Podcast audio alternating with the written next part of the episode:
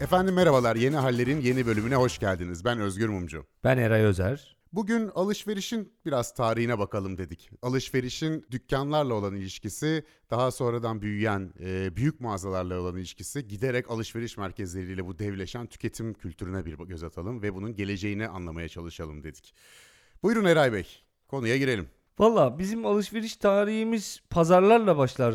Dikiltaş'taki Perşembe pazarında su satmışlığım vardır. Şimdi her şeyi yaptın diyeceksin hemen yine bana ama valla var. Ama utanıyordum. Onu da itiraf edeyim. Niye utanıyorsam o zaman. E, ama çok şanslıydım.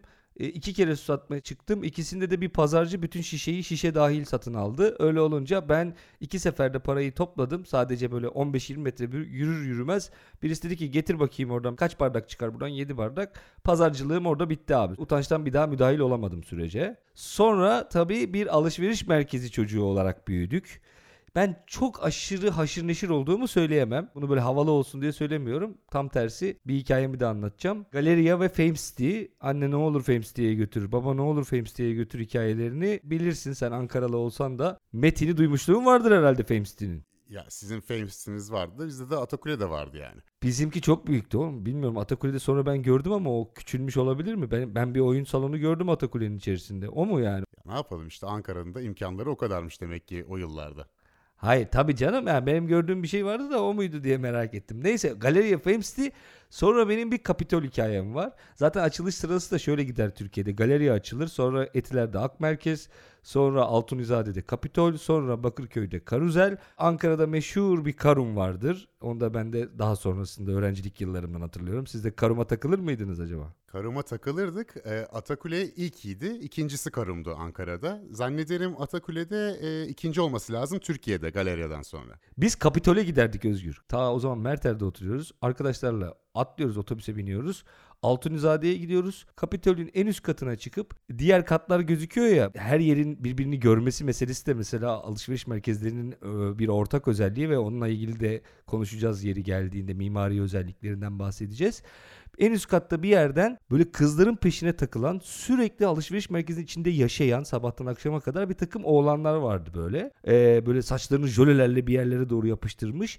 Biz de onlardan daha böyle kendimizi şey zannediyoruz. Daha havalıyız falan filan. O yüzden öyle kızların peşine filan koşanlardan değiliz. Onlar bütün katları tararlar bir tane tek başına veya ikili üçlü geçen kız grubu görürse koşarak yürüyen merdivenlerden inerler. Kıza gidip merhaba tanışabilir miyiz derler. İşte red yani 150 kere falan reddedilip herhalde 151'de bir tane buluyorlar. İşte o da e, tanışalım diyor falan. Ondan sonra yemek food court'a çıkıyorlar falan. Böyle bir ilişki başlıyor. Biz de kendi aramızda en üst kattan bu insanları izlemek için Kapitol'e gidiyoruz. Çok şekerden yarım kilo şeker alıp yiyoruz. Ve sonuçta da diyoruz ki mesela şöyle tahminlerde bulunuyoruz. Bu kız kesin hayır diyecek. Sonra diyoruz ki bak bu kızı diyoruz ama bu üçüncü kattaki oğlan bu kıza giderse bu üçüncü kattaki oğlana evet diyebilir falan diye. Böyle kendi kendimize bahis oynadığımız bir eğlencemiz vardı. Benim en uzun zaman geçirdiğim zamanlar o dönemlerdir. Onun dışında arada uğrayıp girip çıkıp girip çıkıp takılanlardanım. Böyle alışveriş merkezinin tam insanı değilim. Bana birazcık basar alışveriş merkezi çünkü. E, benim de çok fazla ilgim olmadı. Dediğin gibi işte o yaşlarda ya gençken ortaokul yıllarında vesaire gidiyorduk elbette. İşte lisede de biraz. Dreamland'de Atakule'nin altındaki oyun salonu. Bizim ortaokuldaki e, bazı öğrenciler gitmişti Dreamland'e böyle bir e, okulu asıp gitmişler. Bu da ne ilginç değil mi? Bazı yerlerde okulu kırıp diyorlar İstanbul'da. Biz okulu asıp diyorduk. Ondan sonra o da değişiyor bak. Ha, biz de ne diyorduk? Kaçıp falan diyorduk biz galiba. Okuldan kaçtık falan mı diyorduk? Şimdi biz okulu asıp gitmiştik. Ya yani gitmiştik diyorum. Okulu asıp gitmişti bir grup öğrenci. Onlar yakalanmışlar Dreamland'de okul saatinde. Dreamland'de kurbağa döverken yakalanıyorsun değil mi mesela? Hani öyle bir şey oluyor değil mi? Sincap var. Rahmetli Özal'ın da fotoğrafı vardır. E, Dreamland'deki Sincap'ın kafasına çekişle vururken böyle yanında gazeteciler falan işte meşhur bir fotoğraftır. O Sincap'ın Mincap'ın kafasına vururken ya da işte orada şey vardı. Manyetik alan üzerinde e, giden böyle bir şey vardı ya. E, plastik bir disk. Onu böyle vurdum falan. Herhalde öyle bir şeyler yaparken bunlar ebelenmişler. Onun üzerine bizi bütün okulda topladılar. Müdür topladı böyle bahçeye bütün öğrencileri. Sınıf sınıf dizildik işte. Biz daha orta bir orta ikideyiz ufaz. Bunlar lisedeydi galiba öğrenciler. Onları da çıkarttılar böyle meydana. Kınadılar okulu kırıp da işte asıp da e, Dreamland'e gittikleri için hepimize böyle e, ikaz ettiler efendim okul asılmayacak, Dreamland'e gidilmeyecek diye. İyi dedik hafta sonu oldu. E, gidelim bari dedik buraya Dreamland'e. Atari Matari oynayacağız. E bir gittik Ayşe abla öğrencileri giremez yazıyor. Biz o okuldan mezunum ben ilkokulda. Ayşe abla diye bir ilkokul. Oha. Öyle bir şey yazmışlardı ama tabii hiç kimse kontrol etmediği için hafta sonları gidebiliyorduk. Ama böyle bir ciddi bir e, bizim okulda baskı olmuştu. Öyle garip bir e, hatıram var. Fakat şimdi senin şu söylediğin kızların peşine düşüyor olanlar vesaire ya da işte flörtleşiyor ergenler aslında. Öyle de bir alan oluyor. Bu eskiden de buna piyasa yapmak deniyormuş ya. Piyasada İtalyanca piazzadan geliyor. Yani meydandan geliyor. Eskiden beri bu alışveriş yapılan meydanlarda, pazar yerlerinde vesaire e, böyle bir flörtleşme var. Ve sadece flörtleşme değil aslında. Bir anlamda sosyal iletişimin olduğu, insanların bir araya geldiği, sadece mal ve hizmet almadığı, fikirlerin de değiştirildiği yerler bu alışveriş yapılan yerler. Ve bunun yani dükkanın doğuşu şeyle beraber 11. yüzyılda yeniden doğuşu diyelim. Hani var elbette e, antik Yunan'da da eski zamanlarda pazar yerleri, agoralar. Ama 11. yüzyılda özellikle Batı Avrupa'da şehirlerin yeniden doğduğu bir dönem var. Ve sur dışında burgular kuruluyor, mahalleler kuruluyor. Yani şehre eklemlenmeye başlıyor bu burgular. Zaten sonradan Burjuva da işte bu burguda yaşayan ahaliden geliyor. Bunlar ayrı bir sınıf oluşturacaklar zaman içerisinde. Bu burgular oluştuğu zaman daha evvelki e, alışveriş yöntemi pazarlarla oluyor. Bunlar periyodik olarak işte haftada bir vesaire toplanıyorlar kilise meydanında ve kuralları da kilise tespit ediyor. İşte nasıl alacaksın, nasıl satacaksın. Bu burgular oluşmaya başladığında evlerinin alt katlarında böyle pencereler açmaya başlıyor bir kısmı. Bunlar zanaatkarlar. Ne yapıyorlar? İşte nalbant var, kasap var, fırın, ayakkabı tamircisi gibi. Pazarların toplanmadığı günlerde ihtiyaçları karşılıyorlar. Ve kendi evlerindeler aslında. Yani kendi evinin alt katını ya dükkana çeviriyor, içeri girebiliyorsun. Ama daha çok da böyle bir pencereden, hani büfe gibi açıyorsun, işte bir şey veriyor sana. İçeride onu üretmeye devam ediyor ve bunu ailecek yapıyorlar. Bütün aile üretimin bir parçası. Anne, çocuklar da arkada e, sürekli bir üretimdeler. Bunlar zanaatkarlar ve yavaş yavaş oturmaya başlıyor bunların dükkanları. İnsanlar gitmeye başlıyorlar buralara pazarı beklemeden. Ve yerel otoriterlerin çok hoşuna gitmiyor çünkü düzenlemesi zor. Kuralları e, düzenlemesi zor ve halkı fahiş fiyatlardan koruması da zor. İlk başta çok da yanlı değiller bunlardan. Fakat e, zaman içerisinde bunlar yayılmaya başlıyor. 12. ve 13. yüzyılda artık sayıları iyice artıyor ve meşrulaşıyorlar. Zanaatkar kısmına birileri daha ekleniyor bir süre sonra. 13. yüzyılda yeni birileri geliyor. Bunlar seyyar tacirler. Bu tüccarlar işte köyden köye, şehirden şehire bir şey satan insanlar. E bunlar da bir süre sonra kardeş biz de yerleşelim bu burgulara demeye başlıyorlar. Bu dükkan işi iyiymiş. Bunlar kendileri üretmiyorlar. Hali hazırda üretileni geliyorlar dükkanlarında o burglarda yaşayanlara satmaya başlıyorlar. Ve isimlerine baktım. Hani hangi sıfatlar, hangi isimler var? Bunlar çok çok sempatik isimlerde değil. Onu fark ettim. Mesela ne deniyor bu insanlara? Aracı, komisyoncu, simsar, tellak, kabzımal. Tamam hiçbiri küfür değil. Ama hiçbiri de yani bir insanı böyle övmek için söyleyeceğim bir şey değil değil mi? Ya bu ne kabzıman adamdır hatta biraz böyle şeye bile giriyor. Hoş olmayan bir ifadeymiş gibi gibi gelebiliyor kulaklara. Evet zamanla demek ki o kelimelere yüklenen anlam da biraz olumsuz bir nitelik kazanmış belli ki. Çünkü muhtemelen işte arada o malın ilk çıktığı yerden son tüketiciye ulaşmasında e, araya girip komisyonunu alan kişi malın üstüne kar koyan kişi olduğu için muhtemelen e, tarih boyunca insanların algısında ulan böyle bir şeye niye gerek var? Ben niye birebir de üretenden alamıyorum da araya bir tane adam giriyor. Hala bile bugün vardır ya. Doğru söylüyorsun. Bütün kelimeler neredeyse bir olumsuz çağrışım yapıyor bu tür. Evet bu zanaatkarlar daha evvelden varlar. Zanaatkarların kendi locaları var. Meslek özelinde örgütleniyorlar ve çok hiyerarşik, çok disiplinli kurallar da koymuşlar. Osmanlı'da da aynı şey var. Lonca sistemi var. Bu loncalarda örgütleniyorlar. Yerel otoritenin kontrolünde ama e, yerel otoritenin dışında bu loncalar da kendi kurallarını koyarak bir şekilde gelişiyor özellikle Batı Avrupa'da. E ne yapıyorlar? İşte ürünün ağırlığı, saflığı, miktarı, genel olarak kalitesi, çalışma saatleri bütün bunlar düzenleniyor. Ne zaman çırak oluyorsun, ne zaman kalfa oluyorsun, ne zaman usta olacaksın. Hepsi gayet güzel bir şekilde düzenlenmiş. Fakat bu aracılar e, simsarlar gelip dükkanlar kurarak uzaktan getirdikleri malları vesaire satmaya başladıklarında bunlar da kendi localarını oluşturmaya başlıyor. Ve bir süre sonra aralarında ger- gerginlikler de var loncalar arasında. Yani üretimden gelen zanaatkarlarla e, aracılıktan gelen işte o komisyoncuların loncaları arasında bazen çıkarları da çatışıyor. Ama temel olarak hepsi bir arada bir yeni sınıf oluşturuyorlar. Zaten esnaf da Arapça sınıf kökeninden geliyor. Bu bir sınıf. Bu bir dükkan sahipleri sınıfı. İşte zaten zaman içerisinde burjuvazi sınıfı olarak da karşımıza çıkacak bu sınıf. Ve müthiş bir hiyerarşi var kendi aralarında. En tepede uzun mesafeden ticaret yapan büyük tüccar var ise en altta ise işportacı var. Bir süre sonra bu mal satan dükkanlara hizmet satanlar da e, eklenmeye başlıyor ekonominin gelişmesiyle birlikte. Ne mesela işte katip, noter, rehin dükkanı, eczacı, taverna, meyhane, han gibi sektörler de oluşmaya başlıyor ve şehrin bir anlamda e, bütün yapısını, morfolojisini değiştiriyor. Bugünkü şehirler bu dükkanların etrafında kurulmuş bir yandan bakınca.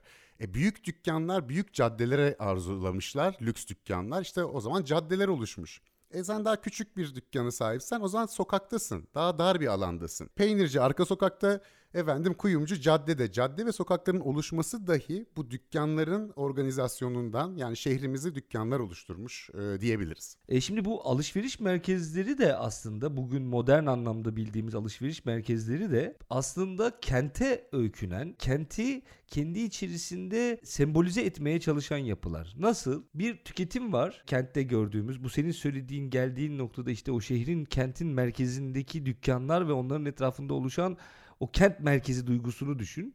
Aslında alışveriş merkezleri bu kent merkezi duygusunu bir tür yanılsamayla gerçeklik gibi insanlara sunmak üzerine e, inşa edilmiş yapılar. Sadece tüketim mabedi gibi olmanın yanı sıra bir de kültürel kendine misyon üstleniyor ki o kenti tanımlayabilme özelliğini kazanabilsin. Alışveriş merkezlerinde dinletiler yapılır. Böyle bir bakarsın orta yerde insanlar toplanmıştır. İşte yok yoga yapıyordur, bir şey yapıyordur, bir etkinlik vardır, konser veriliyordur, bir şiir dinletisi vardır filan. Sanat galerisiyle ne bileyim şarküterinin aynı tüketim kalıbı içerisine sokulduğu mekanlardır. Aynı zamanda kent kalabalıklaşıyor tabii arada yıllar geçtikçe modern topluma doğru geldikçe.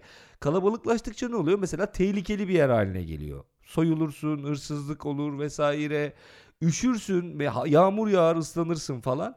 Hem kenti temsil etsin hem de kentin bütün o kötü unsurlarından azade olsun. İçinde o kötü unsurları barındırmasın. Hatta ve hatta o kadar ki alışveriş merkezlerinde para bile yoktur. Kredi kartı vardır.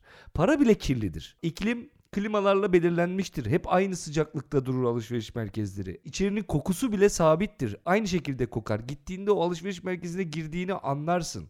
Yani bunların hepsi aslında alışveriş merkezinin kente öykünerek, kendisini kent gibi göstererek bir tüketim mabedine dönüşmesini ifade ediyor. Ve Baudrillard'da yaşadığımız post sanayi toplumunda çeşitli simülakra evrenlerinden biri olan 3. evrende artık hiper gerçeklik dediği bu durumun gerçek olanın yani asıl olanın, otantik olanın yerini aldığını söylüyor. Yani diyor ki Artık diyor biz gerçek duyguları, hisleri, efendime söyleyeyim olayları, vakaları görmüyoruz. Toplum bize bunu göstermiyor. Bu gerçekliğin yerini alan yeni bir gerçeklikle karşı karşıyayız. Buna hiper gerçeklik diyor. Alışveriş merkezi, Disneyland, işte tatil köyleri gibi yerleri de bu hiper gerçekliğin mekanları olarak tanımlıyor. İşte Marx'ın üretim araçları vardır. Modern kapitalizmin, sanayi sonrası kapitalizminde tüketim araçları var. Tüketimin yeni araçları olarak tanımlıyor işte alışveriş merkezlerini, Disneyland'ları vesaireleri. Ama ve lakin son olarak şunu söyleyebilirim yani Baudrillard çerçevesinde yine bir şey daha söyleyeyim. Dördüncü bir e, evre var simülakralarda ki burada artık gerçekliğini taklit edecek malzemenin yani görüntünün kendisi de simülasyon düzenine ait olmaya başlıyor. Yani şu demek bu Matrix gibi düşün artık öyküneceğin arkada gerçek bir hayat dahi kalmamış oluyor. Ki aslında zaten Baudrillard'ın anlattığı bu dördüncü evrede bizim bu dijital çağımıza tekabül ediyor. Her şeyin dijitalize olması ve aslında öykündüğün şeyin kendisinin bile gerçekte bir gerçeklik değil de bir simülasyondan ibaret olmasına dönüşmüş durumda şu anda toplum. Dolayısıyla bu tür kenti taklit eden alışveriş merkezleri de post sanayi toplumunun kaybolan değerleri, yok olan değerleri olmaya başlıyor. Çünkü belki de taklit ettiği şey de ortadan kalkmış oluyor bir süre sonra. Yani bir şey taklit ediyorsun da taklit ettiğin yok ortalıkta. Yani bir gerçekliğin taklidi bile artık e, simülasyona dönüşmüş durumda. Dolayısıyla sen bir şeyi simüle ederken bile bir önceki zaten gerçekliğin kendisi değil. Artık faz atlamış durumdayız. Yani taklidin taklidini yapıyor durumdayız.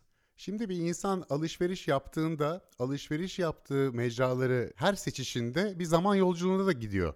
Bir üretim ilişkileri belirliyor alışveriş mecralarını. Bir gün bakkala gittiğiniz zaman mahallenizdeki E, o zaman ne oluyor? E, sanayi öncesi toplumun bir alışveriş deneyimine daha yakın bir şey yaşıyorsunuz. E, köy pazarına gittiniz, feodal ekonomiye daha yakın bir şey yaşıyorsunuz. Elbette sanayiden vesaireden etkilenmiş onlar da. Şehirdeki dükkanlar işte bu söylediğim gibi sanayi öncesi gibi. E sanayi başlayınca ne oluyor? Bu dükkanlar artık yetmiyor. Öyle küçük bakkalla manavla bu işi çözemiyorsunuz. Neler geliyor? Büyük mağazalar. Grand Magazin deniyor Fransızca'da. İlki de Fransa'da açılıyor. Bon Marché ve büyük bir hadise oluyor 1800'lerin ortasında açıldığında. İşte Emile Zola vardır Fransız yazar gerçekçi ekolden gelir yani o zaman toplumda ne varsa bir ayna gibi yansıtmaktan yanadır. Onun meşhur bir eseri vardır O Bonheur des Dames diye işte hanımların mutluluğuna olması lazım adı. Çünkü şöyle bir şey gerçekleşiyor. Bunların adı Bon Marché deniyor, büyük mağaza deniyor, Grand Magazin, e, Department Store deniyor İngilizce'de. Devasa mağazalar birlikleri oluşuyor. Şehrin ortasında ama. Şimdi bu mağazalar, bu dükkanlar burglardan geldiler ve şehir merkezlerini ele geçirdiler. Bir süre sonra bunlar teker teker dururken birleşmeye başladılar. İçinde birçok farklı mağazayı barındıran fakat şehrin içerisinde çok lüks yapılar başlıyor. Çünkü sermaye büyümüş, kıtalar keşfedilmiş, sömürü düzeni oturtulmuş dünyada ortalık mal kaynıyor. Bunları satacak insanlar gerek. Bunları satacak büyük mekanlar gerek. Ve beklenmedik bir şey de gerçekleşiyor. Önce Paris'te başlıyor bu mağazalar daha sonra İngiltere'ye geçiyor. Oradan Rusya'ya kadar, Çarlık Rusyası'na kadar e, devam ediyor. Türkiye'ye de Osmanlı'ya da geliyor. Hatta bu Selpak gibi marka genel isim oluyor. Bon Marché deniyor bunlara. Türkiye'de yani bir alışveriş merkezi ya da büyük mağaza yerine Bon Marché ismi işte bilmem ne Bon Marşesi diye yerleşiyor. Ve kadınlar sokağa çıkabilmeye başlıyorlar. Çünkü güvenli bir alan. Kadınların başlarında birisi olmadan dışarı çıkmaları vesaire pek söz konusu değil Batı Avrupa'da da o yıllara gelene kadar. Alışverişi kim yapıyor? Ya kapıya gelen birileri işte eskiden de vardı ya bizde bohçacılar vesaire. Onlarla yapıyorsunuz alışverişi evin hanımı olarak. Ya da hizmetçiniz işte bir şekilde pazardan mazardan alıyor. Ama bu department store'lar, bon marşlar kurulunca içeride güvenli bir ortam var. Ve tek başınıza dışarı çıkabiliyorsunuz. Aynı zamanda orada güzellik merkezleri vesaire benzeri şeyler de kurulmaya başlıyor ve kadınların sosyal hayata girmesini de sağlamak gibi bir belki de beklenmedik bir etkisi oluyor bu department store'ların. Gel gelelim bu neye de yol açıyor? E lonca sistemi falan artık kaldırmıyor bu büyük mağazaların geldiği zamanda. O geleneksel zanaatkar yapıları dağılmaya başlıyor. Artık biz gerçek anlamda klasik kapitalist bir modeldeyiz ve alışverişimizde büyük mağazalardan yapmaya başlamışız. Ta ki Birinci Dünya Savaşı'na kadar Ondan sonraki gelen süreçte Birinci Dünya Savaşı, ardından ekonomik buhran, ardından İkinci Dünya Savaşı oluyor ve bu parakende satış, bu alışverişin yapıldığı yerlerde bir duraklama dönemi var. Herkes savaşta çünkü o esnada ve üretim de özellikle batı bakımından artık e, silah sanayine dönüşmüş. Yani çok fazla gündelik hayata dair tüketim malzemesi minimumda üretiliyor. Fabrikalar dönüştürülmüş işte uçak yapıyorlar, tank yapıyorlar, top yapıyorlar. Fakat İkinci Dünya Savaşı bitiyor. İkinci Dünya Savaşı bittikten sonra işte bildiğimiz anlamda bu tüketim toplumu ortaya çıkıyor. Daha önce endüstri öncesi dönemde de biraz var işte alışverişle hava atmak diyelim. Kıyafet ve e, ev malzemeleri özellikle burada ön plana çıkıyor ama bambaşka bir şeyle karşılaşıyoruz İkinci Dünya Savaşı'ndan sonra. Amerika Birleşik Devletleri büyük buhranı atlatmış, İkinci Dünya Savaşı'nı kazanmış ve bütün fabrikaları haldır haldır uçak e, imal etmiş, işte gemi imal etmiş, tabanca, top, tüfek. Şimdi biz bu fabrikaları bir şeye dönüştürmek zorundayız demişler. Neye dönüştüreceğiz? O zaman işte tank üreten yer araba üretecek. Müthiş bir araba kültürü başlıyor. Markalar ortaya çıkıyor. Kitle reklamcılığı giderek hız kazanıyor ve çok önemli bir hadise gerçekleşiyor. Savaştan dönen Amerikalı askerlere belli yardımlarda bulunuluyor. O zamana kadar bir de ev kredisi 5 yıllık veriliyor. %50'sini ödemeniz gerekiyor evin. Ancak kısıtlı sayıda insan ev sahibi olabiliyor. Kiracılardan oluşan bir toplum Amerika Birleşik Devletleri. İkinci Dünya Savaşı'ndan sonra bunu değiştiriyorlar. Sadece %20'sini ödeyin ve 30 sene boyunca taksitle ödeyebilirsiniz deniyor. Bunun üzerine işçi sınıfı bir yandan bu arabaları satın alıyor, tüketim yapmaya başlıyor. Bir yandan da şehrin dışında oluşan banliyölere, suburblere yerleşmeye başlayıp ev satın alıyor. Fakat orada şöyle bir sorun yaratıyor. Bu sefer de şehir merkezleri çökmeye başlıyor. Çünkü alışveriş alışveriş pek orada yapılmıyor. Ama suburb'de nasıl alışveriş yapılacak? Orada da dükkan yok. Klasik dükkanlar e, uygun değil yapıları. Avusturya'dan 1938 senesinde göç etmiş bir Yahudi var. Mimar. Niye Yahudi olduğunu söylüyorum. Çünkü Avusturya'yı Almanya işgal ettiği zaman kaçmış. Ve bir sosyalist. Viyana'da yetişmiş. Gözünde hep o Viyana var. Hep özlüyor. O şehir meydanları, o etrafındaki klasik dükkanlar vesaire. Bakıyor bu suburblere, bu banliyölere Kimse bir araya gelmiyor diyor. Herkes arabasıyla eve gidiyor, işe gidiyor. İşe gidiyor, eve geliyor ve hiçbir temas yok aralarında. Bir üçüncü mekanları yok ev ve iş dışında. Diyor ki ben bu department store'ları, bu büyük mağazalardan iki tanesini alırım. Bir ucuna birini, bir ucuna diğerini koyarım. Üstünü kapatırım aralarına koridorlar yaparım. Koridorlara da küçük esnafı yerleştiririm. Ortaya da bir agora yaparım. İnsanlar da orada buluşur. Böylelikle toplumsal hayatı tekrar canlandırabilirim diye sosyalist bir idealle başlıyor ve 1956'da ilk defa Minnesota'da işte The Southdale Center kuruluyor. Evet. Victor Gruen 1956'da bu burayı kuruyor. İlerleyen yıllarda Amerika'da zaman içerisinde bir patlama yapıyor. Bizde Türkiye'de kapalı çarşı örnek gösterilir. 1461 15. yüzyılda bir alışveriş merkezimiz vardı diye. Fakat tabii alışveriş merkezleri bugünkü modern formuna Victor Gruen'un yaptığı ikinci yani 1954'te de bir tane daha merkez yapmış bildiğim kadarıyla. 56'da bu bildiğimiz üstü kapalı. 1954'te yaptığı üstü açık bir yer. 1956'da üstünü kapatıyor ve e, bu modern anlamda alışveriş merkezlerinin babası olarak ilk alışveriş merkezine imza atmış oluyor. 80'lerle birlikte Türkiye'ye girdiğini görüyoruz. Türkiye 80'lerden sonra bir tüketim toplumu olma yönünde hızla yol kat etmeye başlıyor. İthalat başlıyor. ihracat belli bir noktaya kadar başlıyor ve özalizmin temel felsefesi alışveriş merkezlerinin işte her şeyin bir arada bulunması. İşte bu senin söylediğin üçüncü mekan teorisi yani ev ve iş dışında insanların en çok vakit geçirdikleri alanlar, güvenli alanlar, bir tür ıı, işte tüketim mabetleri ve enteresandır. Ben yine kişisel bir şey söyleyeyim. Mesela ben Eskişehir'de doktora mı yaptım daha doğrusu tamamlayamadım tez aşamasında kaldım. Sonra da bir daha üstüne düşemedim ama Eskişehir'e gidişlerimden bir tanesinde Eskişehir'i çok bilmediğimi düşünen bir arkadaşımın arkadaşı bana Eskişehir'i överken AVM sayısını söyledi. Ya dedi biz dedi çok dedi iyi bir şehirizdir, büyük şehirizdir Eray'cım dedi. Dört tane AVM'miz var dedi. Hatta arkadaşım da güldü oğlum Eray'a AVM ile mi hava atıyorsun İstanbul'dan geliyor çocuk diye. E, tabii bir referans onun için yani AVM sayısı senin ne kadar gelişmiş bir şehir olduğunun referansına dönüşüyor. Türkiye'de şu anda 432 tane AVM var. KPMG'nin bir raporuna dayanarak veriyorum bu rakamı. 2019'da 5 tane açılmış.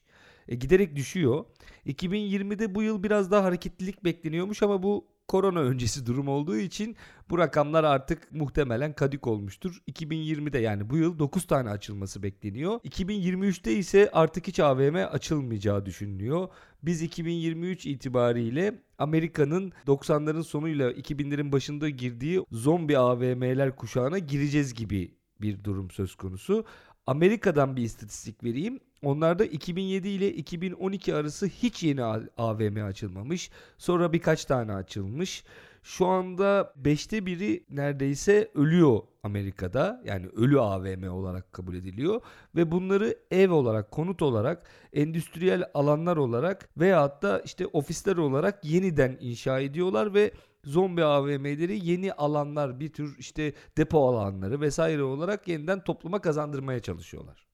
Şunu da tavsiye edelim. Eğer zombie malls diye ya da işte dead malls diye yazarsanız ölü alışveriş merkezlerinin İngilizcesini ya da zombi alışveriş merkezlerinin İngilizcesini Google'a karşınıza terk edilmiş böyle post apokaliptik bir film sahnesi gibi gözüken, film seti gibi gözüken alışveriş merkezi enkazları çıkacak. Kimisinin işte çatısı gitmiş, kar yağmış, kimisinde bitkiler ele geçirmiş, camlar kırık e, ve bazı insanlar da AVM arkeolojisine başlamışlar. Terk edilmiş AVM'lerin e, içine girip işte oradaki eski kalıntılara bakarak vesaire onun hikayesini tekrar yazmaya çalışıyorlarmış. E, tabii bu hani ciddi bir arkeoloji dalı olarak değil meraklıları, ilgilileri böyle bir ilgi alanı bulmuşlar. AVM'lerin kuruluşunda bu Victor Gruen gerçekten e, arzusu Avrupa'daki şehir merkezini bu suburblere, banliyölere getirmek. Naif bir arkadaşmış diyorsun yani Özgür. AVM'lerin babası deniyor ona fakat 1970'lerde soruyorlar fikrini AVM'ler hakkında. Diyor ki valla babasıysan bile bunlar artık piçtir diyor. Çok iyiymiş. Ben bunları evlatlıktan reddediyorum diyor. Çünkü benim amacım bir topluluk yaratmaktı. Etrafında sağlık kuruluşları olacaktı. Okullar, e, parklar, havuzlar, e, insanların birbirleriyle buluşmalarını istiyordum ben. Tam aksi bir sonuç e, doğurdu diyor ve daha sonraki kariyerinde ise şehir merkezlerini yayalaştırma ve tekrar e, toplumsal iletişimi açma gibi bir seri faaliyete girişiyor. Özellikle Viyana'ya dönüp yapıyor bunu. Bir anlamda günah çıkarmaya çalışıyor sanki Victor Gruen gibi görebiliyoruz. Ya orada şöyle bir şey var. Şimdi sınıfsal olarak da AVM'lerin tüketim şekli de hem Türkiye'de hem dünyada çok değişti. Lüks mekanlar olarak ilk önce kurgulanıyor. Türkiye'ye giriş de öyleydi. Böyle girerken bile bir tedirgin olursun galeriye yıllar önce yani 80'lerin sonundan 90'ların başından bahsediyorum. Orta ve ortanın biraz altı e, sınıflar AVM kullanırken genelde daha üst sınıflar yani kullanırken bugüne geldiğimizde şunu görüyoruz. Artık AVM'ler de kendi içerisinde yer yer içindeki dükkanların markaların ağırlıklarıyla dünya üzerinde ne kadar büyük, pahalı, e, bulunmaz, nadir markalar olmalarıyla sınıfsal bir ayrıma sahip olmaya başladılar. Mesela Levent'te yan yana 4 tane filan var. Gir içine işte bir tanesine giriyorsun, kanyona giriyorsun diyelim. Bambaşka bir sınıf var. Metro City'ye giriyorsun, bambaşka bir sınıf var. Hemen yanındakine giriyorsun, bambaşka bir sınıf var. Hepsi farklı bir segmente hitap ediyorlar. Çünkü mesela atıyorum Zorlu'da en pahalı markalar. Mesela oraya gidiyorsun işte Louis Vuitton o o o girişte Louis Vuitton girişte duruyor. E şimdi sen gariban adamsın gittin Zorlu'ya zaten bir böyle tavşan gibi kalıyorsun tamam mı? Bu markalar ne ya? Prada'nın yanında Louis Vuitton falan duruyor. Diyorsun ki abi ben buradan kaçayım yani. Burada bir benlik bir durum yok. Seni daha ilk şeyiyle karşıladığı markalarıyla sen bu buranın insanı değilsin kardeşim. Çık git buradan diyor sana. Ee, sen de hemen yolun karşısına geçip biraz ilerleyip Metro City'ye gidiyorsun. Rahat rahat oradan alışverişini yapıyorsun yani. Şöyle de bir durum var. E, bu AVM'ler, bu mall'lar ilk başta ABD'de e, ortaya çıkıyor. Yavaş yavaş Avrupa'ya yayılıyor. Ama Avrupa'da hiçbir zaman Amerika'da tuttuğu gibi tutmuyor. Çünkü Avrupa'da hali hazırda o şehir meydanları ve meydanların etrafındaki dükkanlar yani o eski şehir yapıları devam ediyor. Bunun yanı sıra esnaf daha örgütlü. Yani Almanya'da vesaire bu çıraklık, kalfalık hikayeleri devletle işbirliği içerisinde falan ama esnafın hala kontrolünde.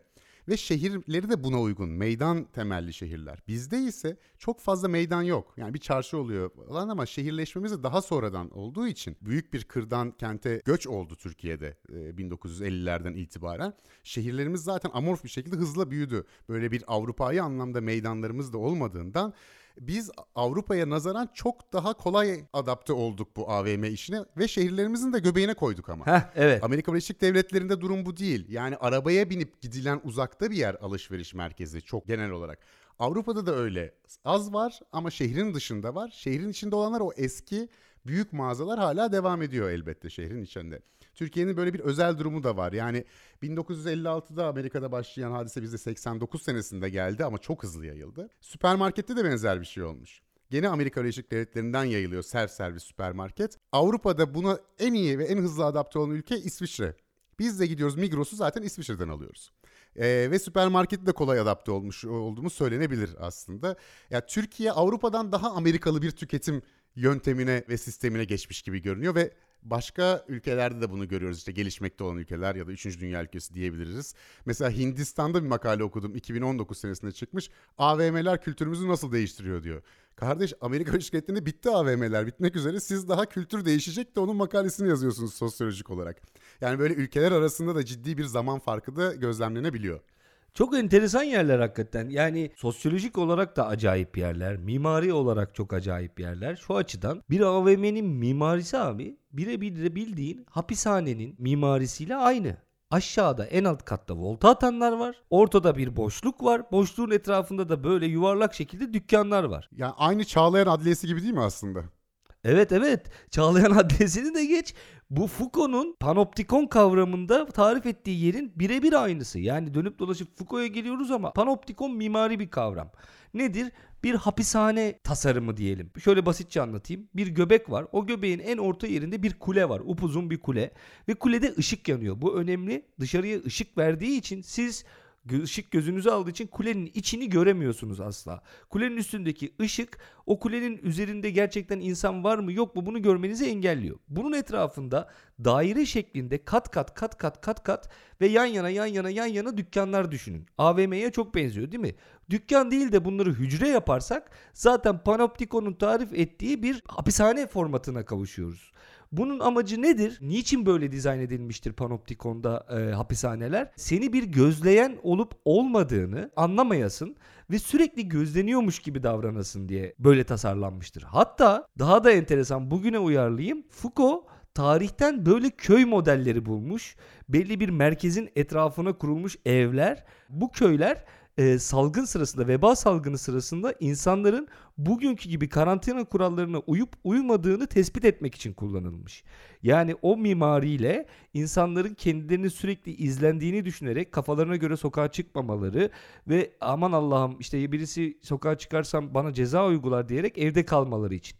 Bugün artık MOBS'lerle, efendime söyleyeyim her köşedeki kameralarla vesairelerle zaten böyle bir gözlenme durumunun içerisindeyiz. Yani tak diye cezanı kesiyorlar o kameradan bakarak. Panoptikon'da ise daha enteresan bir şey. Arjantin ve Uruguay'da bizzat hapishanelerin alışveriş merkezine dönüştürüldüğünü görüyoruz. Bir akademisyen Susana Draper, Draper diye Susana Draper bunları çalışmış. Ee, Arjantin ve Uruguay'daki e, mesela Buen Pastor hapishanesi şu anda bir alışveriş merkezi. Diyor ki Susana Draper bunlar diyor aslında tam da diyor işte şu an için diyor e, politik hafıza, hafızanın politiğidir diyor. Bu şu anlama geliyor diyor. Yani o zamanın o politik gündemini bugün artık apolitik hale getirilmesi ve artık toplumun tamamıyla bu tartışmaların işte Junta'nın kullandığı hapishaneler bunlar. Bir tane bir takım ırkçılar, işte faşistler var.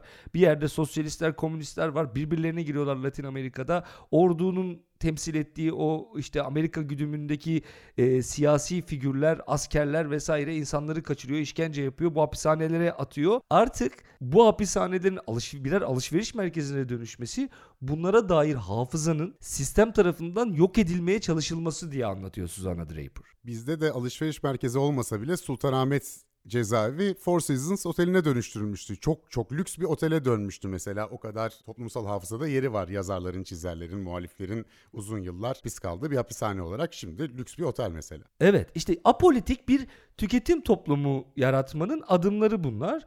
İşte Özal'la gelmesi de manidar. Özal'ın böyle şeyleri vardı ya takıntıları mesela. Araştırırken hatırladım Özal'ın bir çıkışını. Mesela demir yoluna komünist işi diyor ya. Otobanla kıyaslıyor onu falan. Komünist işi çünkü cart diye inemiyorsun. Bir, bir yerden başlıyor öbür bir sonraki durağa kadar mahkumsun ona. Otomobil öyle mi diyor? Bayağı otomobil pro- propagandası yapıyor. Otoban propagandası yapıyor ve diyor ki otomobil öyle mi kardeşim? İn, istediğin yerde durursun diyor. Bir hacetin varsa giderirsin diyor. Mesela Özal döneminde neredeyse doğru düzgün raylı sistem atılımı yapılmamıştır yıllar boyunca. Niye? Otoban yapacağız. Türkiye'nin her yerini otobanlarla birbirine bağlayacağız diye. Benzer bir şekilde pazar onlara feodal mi geliyordu artık neyse e, bu alışveriş merkezleri o pazarın feodalizminin orada çünkü pazarda pazarlık vardır mesela. Gidersin maydanoz bile alırken dersin ki kardeşim 25 kuruşa olmaz mı? E git bakalım şimdi sen gir şeye e, Louis Vuitton'a Zorlu'da de ki bu bana kaça olur de mesela bu çanta. Yani bunun ortadan kaldırılması dedim ya paranın ortadan kaldırılması. Yani ortada hiç para dönmüyor ki hep kredi kartı dönüyor. Kim zengin kim fakir önemli değil. Onu ay sonu düşüneceğiz daha oraya gelmedik. Şu anda biz alışveriş aşamasındayız. Bu arada mesela şöyle istatistikler var Özgür. AVM'nin hangi alanları saat kaçta kalabalıklaşıyor? Efendime söyleyeyim mesela şey yapıyorlar. Tenha bölgelere trafik çekmek için oralara bir takım etkinlikler koyuyorlar filan. Sürekli insanların böyle kafes gibi gözlendiği, gözetlendiği bir yer. Ee, ve bunu böyle içine büyü koyarak e, George Ritzer olması lazım. O öyle söylüyor. Bunlara diyor katedraldir bunlar diyor. İşte tüketim katedrali ve büyüyle hareket ederler diyor. Sihri kullanırlar diyor. İçine böyle büyü yapılmış bir mekanı. Gidiyorsun kışın da gitsen sıcak. Mis gibi kokuyor. İşte insanlar mutlu, eğleniyorlar falan filan. Ve senden beklenen tek şey var. Orada yatabilirsin neredeyse. Yani 24 saat açık bazıları. Yemek yiyebiliyorsun. İşte ne bileyim ben uyku kabini yapmışlar AVM'nin içine. Girip uyuyabiliyorsun. Masaj yaptırabiliyorsun. Alışveriş yapıyorsun. Kendine sevgili buluyorsun. Öyle çıkıyorsun. Yine son bir şey söyleyeyim sözü sana bırakmadan. Diyor ki bir yaklaşım AVM'leri diyor 2000'lerin bu sonlarında bitiren şey sadece alışverişin dijitalleşmesi değil flörtün dijitalleşmesi oldu diyor. Çünkü AVM'ler birer iletişim mekanı ve o iletişim özelliğini kaybediyor. Daha doğrusu o ihtiyaç ortadan kalkıyor. Artık iletişimi sanal olarak sadece alışverişi değil iletişim ihtiyacımızı da sanal olarak karşılayabildiğimiz için artık AVM'lerin yaşama şansı yok. Hele bir de en son korona ile beraber AVM'lerin o kapalı alanlarında yeteri kadar güvenli mekanlar olmadığını anladığımızda yani insanlarla temas etmek zorunda kaldığımızı ve bu temasın kendisinin bile tehlikeli olduğunu, bu insanlar silah taşımıyor olsa bile, silahları kapıda alınıyor olsa bile güvenlik tarafından kendilerinin birer biyolojik silaha dönüştüğünü fark ettiğimiz anda artık AVM'leri kurtarmanın ihtimali kalmıyor.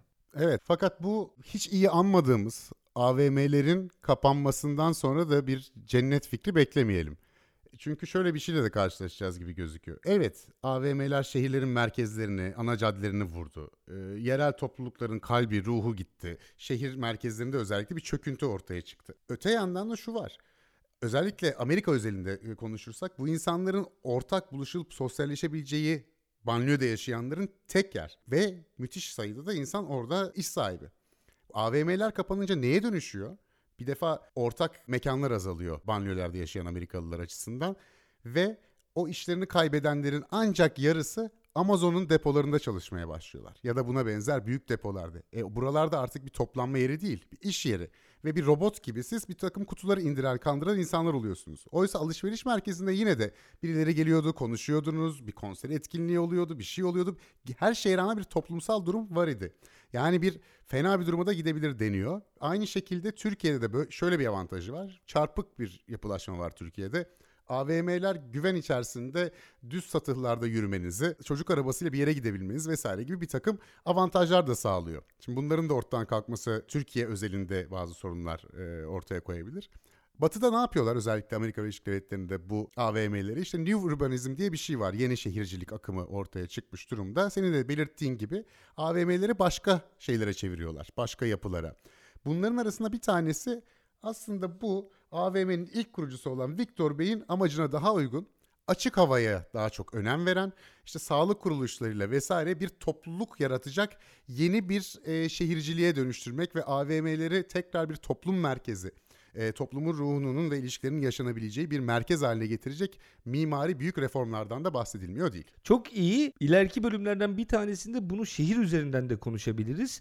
Bu gentrifikasyon, soylulaştırma denilen şey tam böyle bir şey. Aslında tarih tekerrür ediyor dedikleri şey de tam olarak böyle bir şey. Şimdi gentrifikasyonda da şöyle oluyor.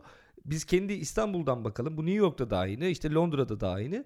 Öncelikle soylular şehir merkezinde. Fakat şehir çok kalabalık, güvensiz, tehlikeli bir hale almaya başladığı zaman şehir merkezini terk ediyor bu soylu kesim diyelim, zengin, burjuvazi diyelim ve şehir dışında bir hayata geçiyor. O Amerika'da klasik jiplerle işte işten çıkıp eve döndüğün o müstakil evler e, bizde tam öyle olmadı Türkiye'de ama nedir işte yine şehrin merkezine uzak toplu konutlara yerleşti veyahut da müstakil işte ilk açılan bahçe şehirleri vesaire düşün buralara gitti para, sermaye, burjuvazi buralarda yaşamayı tercih etti ve üst orta sınıf. Fakat sonra ne oldu? Sonra şehrin bazı bohem mekanları yeniden değer kazanmaya başladı ve yeniden bir merkeze hücum oldu. Halbuki oralar boşalmış, kiralar ucuzlamış ve orada esnaf filan yerleşmişti. Küçük esnaf, ona bağlı alt sınıflar vesaire. Mesela Galata çok güzel örnektir. Galata'da yüzlerce küçük esnaf vardı. Deri atölyeleri, efendime söyleyeyim işlemeciler, nalburlar vesaire. Şimdi git hepsi kalktı. Çünkü niye? Yeniden sermaye oraya o gentrifiye olmuş. Yani soylulaştırılmış alana yeniden hücum ediyor. Alışveriş merkezlerinde de böyle. Şimdi tam da senin dediğin gibi artık kermese benzeyen alışveriş merkezleri yapmaya çalışıyorlar. Pazara benzeyen alışveriş merkezleri, üstü açık, sokaklarında gezebildiğin. Kapalı çarşıyı mesela alışveriş merkezlerine örnek gösteriyorlar ama kapalı çarşı alışveriş merkezi değil. Bir tür kent merkezi. Üstü kapalı değil. Evet çok 4000 tane dükkan yan yana sıralanıyor. 58 tane sokak var kapalı çarşıda ayrı ayrı girebildiğiniz. Ama ve lakin dediğim gibi sistemi, yapısı e, bir kent merkezi formunda bir alışveriş merkezi kapalı klimasıyla iklimiyle sana kendini dayatan kültürü dayatan kültürü yeniden icat etmeye çalışan bir mekan değil. Kültürün zaten birebir kendisi. Dönmeye çalıştıkları da aslında bu. Yani bu tüketim formuna dönmeye çalışıyorlar. Kesin olan bir şey var zaten düşmekte olan, ölmekte olan bir alışveriş merkezi sektörü vardı. Türkiye için henüz yolun başında ama en azından şöyle diyebiliriz. Koronadan aldığımız bilgiler ışığında yani peakini bulmuş, artık zirveyi bulmuş bir alışveriş merkezi tüketimi vardı. Bundan sonrası düşüş olacaktı. Muhtemelen yaşadığımız bu kapalı alanlarda insanların bir arada durması ile ilgili sıkıntı bu düşüşü hızlandıracaktır diye düşünüyorum. E, Bloomberg diye bir e, iktisat üzerine uzmanlaşmış bir medya şirketi var malum işte televizyonu var vesaire. E, bunların internet sitesinde American Mall diye bir oyun var. 90'lı yılların bilgisayar oyunu görsel estetiğiyle yaratılmış bol pikselli. Orada e, bir alışveriş merkezini alıp kaç gün dayandırabileceğinize bakıyorlar. Bakalım kar ettirebilecek misiniz diye. Oynadın mı? Oynadım. Üç defa denedim. Bir seneyi e, dolduramadım. Çünkü kimse kiralarını ödeyemiyor. Batırıyor musun orayı? Valla ben 3 defa batırdım. Ya ben ama anladığım kadarıyla zaten oyun da bu işin ne kadar zor olduğunu göstermek için yapılmış. Çünkü oyunun sonunda da sizi Bloomberg'un bir makalesine yönlendiriyor e, AVM'lerin geleceğine dair ve oyunun sonunda kaybettiğinizde karşınıza Amazon'un sahibi Jeff Bezos çıkıyor. Piksel piksel kafasında şapkasıyla. E, Çok iyi bağlamışlar sonunda. evet bir iyi bağlamışlar. Yani AVM'lerin pek bir geleceği yok. E, orası açık. E, Amerika Birleşik Devletleri'nde bu yenilgi zaten kabul edilmiş. Avrupa çok fazla etkilenmeyecek gibi çünkü Avrupa'da şehir dışında daha az sayıda vardı AVM'ler ama bizim gibi özellikle son 10-15 yılda tamamen AVM üzerine tüketimini oturtmuş ülkelerde. Ki hatta Orta Anadolu'da birçok şehrin de neredeyse tek sosyal iletişim merkezi olan bu yerlerin çöküşü aynı ABD'deki gibi mi olacak? Başka dinamiklerle mi gerçekleşecek? E, neye evrilecek? E, bunu hep beraber e, göreceğiz gibi gözüküyor diyorum. Sözlerimi burada noktalayarak esen kalın diyorum efendim. Yine iyi bağladın Özgür. Vallahi bak kıskanıyorum senin şu bağlamalarını. Hatta bazen öyle oluyor ki birden cart diye böyle bir bir U dönüş yapıyorsun. Ben böyle bir ne oldu ya falan diye bir şey oluyorum. Benim bile aklım ermiyor o bağlam çekme şeyine. Bunu öğreneceğim ben zaman içerisinde. Estağfurullah. Ee, yok yok vallahi bir işi biliyorsun gerçekten. Ee, şimdi şunu söyleyecektim son olarak. AVM'lerin tarihi bana Türkiye'de çok enteresan geliyor. Kişisel tarihimle de bir yandan yan yana giden bir şey olduğu için. Mesela Ankara'da filan bayılır millet. Her yer AVM'dir. Büyük büyük bir de marketler açılır. Onların en devasa hali. 6M, 12M filan böyle işte bilmem ne Real, Carrefour. Rahat rahat söylüyoruz marka. Nasıl olsa burada engelli olan yok. İnsan yarım kilo peynir almaya girmeye utanır değil mi oralara? Abi biz bak üniversitede ev arkadaşım Isparta'ya ütü masası yollamak için gittik ya. Ya ütü masası küçücük bir Uno araba var bir tanemizde. Benim ev, benim ev arkadaşlarım yaşça benden çok büyüktü. Dördüncü üniversiteyi falan okuyanlar vardı bitiremeyip bitiremeyip. Isparta'ya ütü masası yolladık ya. Yani bir tane ütü masası niye Isparta'dan daha ucuzmuş bilmem nerenin alışveriş merkezinde işte şeyinde diye. Öğrenciliğin raconunda olmayan şeyler hafta sonu toplanıp toplanıp Real'e gidiyorduk. Genç adam delikanlı adam 22 yaşında toplanıp Real'e gider mi ya? Böyle bir rezillik olabilir mi? Neyse bakınca şeyi görüyorum. Ankara'da bu AVM kültürü inanılmaz. Netice itibariyle şöyle oluyor. AVM'lerin de kendi içerisinde garibanları oluyor. Zamanla garibanlaşıyorlar. Böyle önce bir çok şaşayla açılıyorlar. Sonra böyle şey gibidir bu. Hani böyle gece kulüplerinde olur ya bir yerin adını çok duyarsın duyarsın duyarsın ondan sonra orası böyle o ara satan satmıştır o gece kulübünü köşeyi dönmüştür sahibi sonra alana patlar o böyle kimse gelmemeye başlar filan. Yazık AVM'lerde de öyle bir şey var. Yıldızı parlayanlar var, düşenler var. Yenisi açılırken her seferinde şu duyguya kapılıyoruz. Olan bilmem neyi yanına açıyorlar. Orada iş yapar mı diyoruz. Halbuki evet o yeni açılan iş yapıyor, öteki ölüyor. Bazıları direkt ölü doğuyor. Hakikaten ilginç konu. Bakınca Türkiye'de literatürün çok sağlam olmadığını gördüm. Bu alanla ilgili çalışmalara bakarken piyasa yapmanın yeni yüzleri Feyzan Erkim'in iletişim yayınlarından çıkan kitabı karşıma çıktı. Bu kitabı da tavsiye edelim. Ben de Feyzan Erkim'in bu kitabıyla konuşmamı bitireyim. Kalın sağlıcakla bir sonraki bölümde görüşmek üzere diyorum. İyi günler efendim.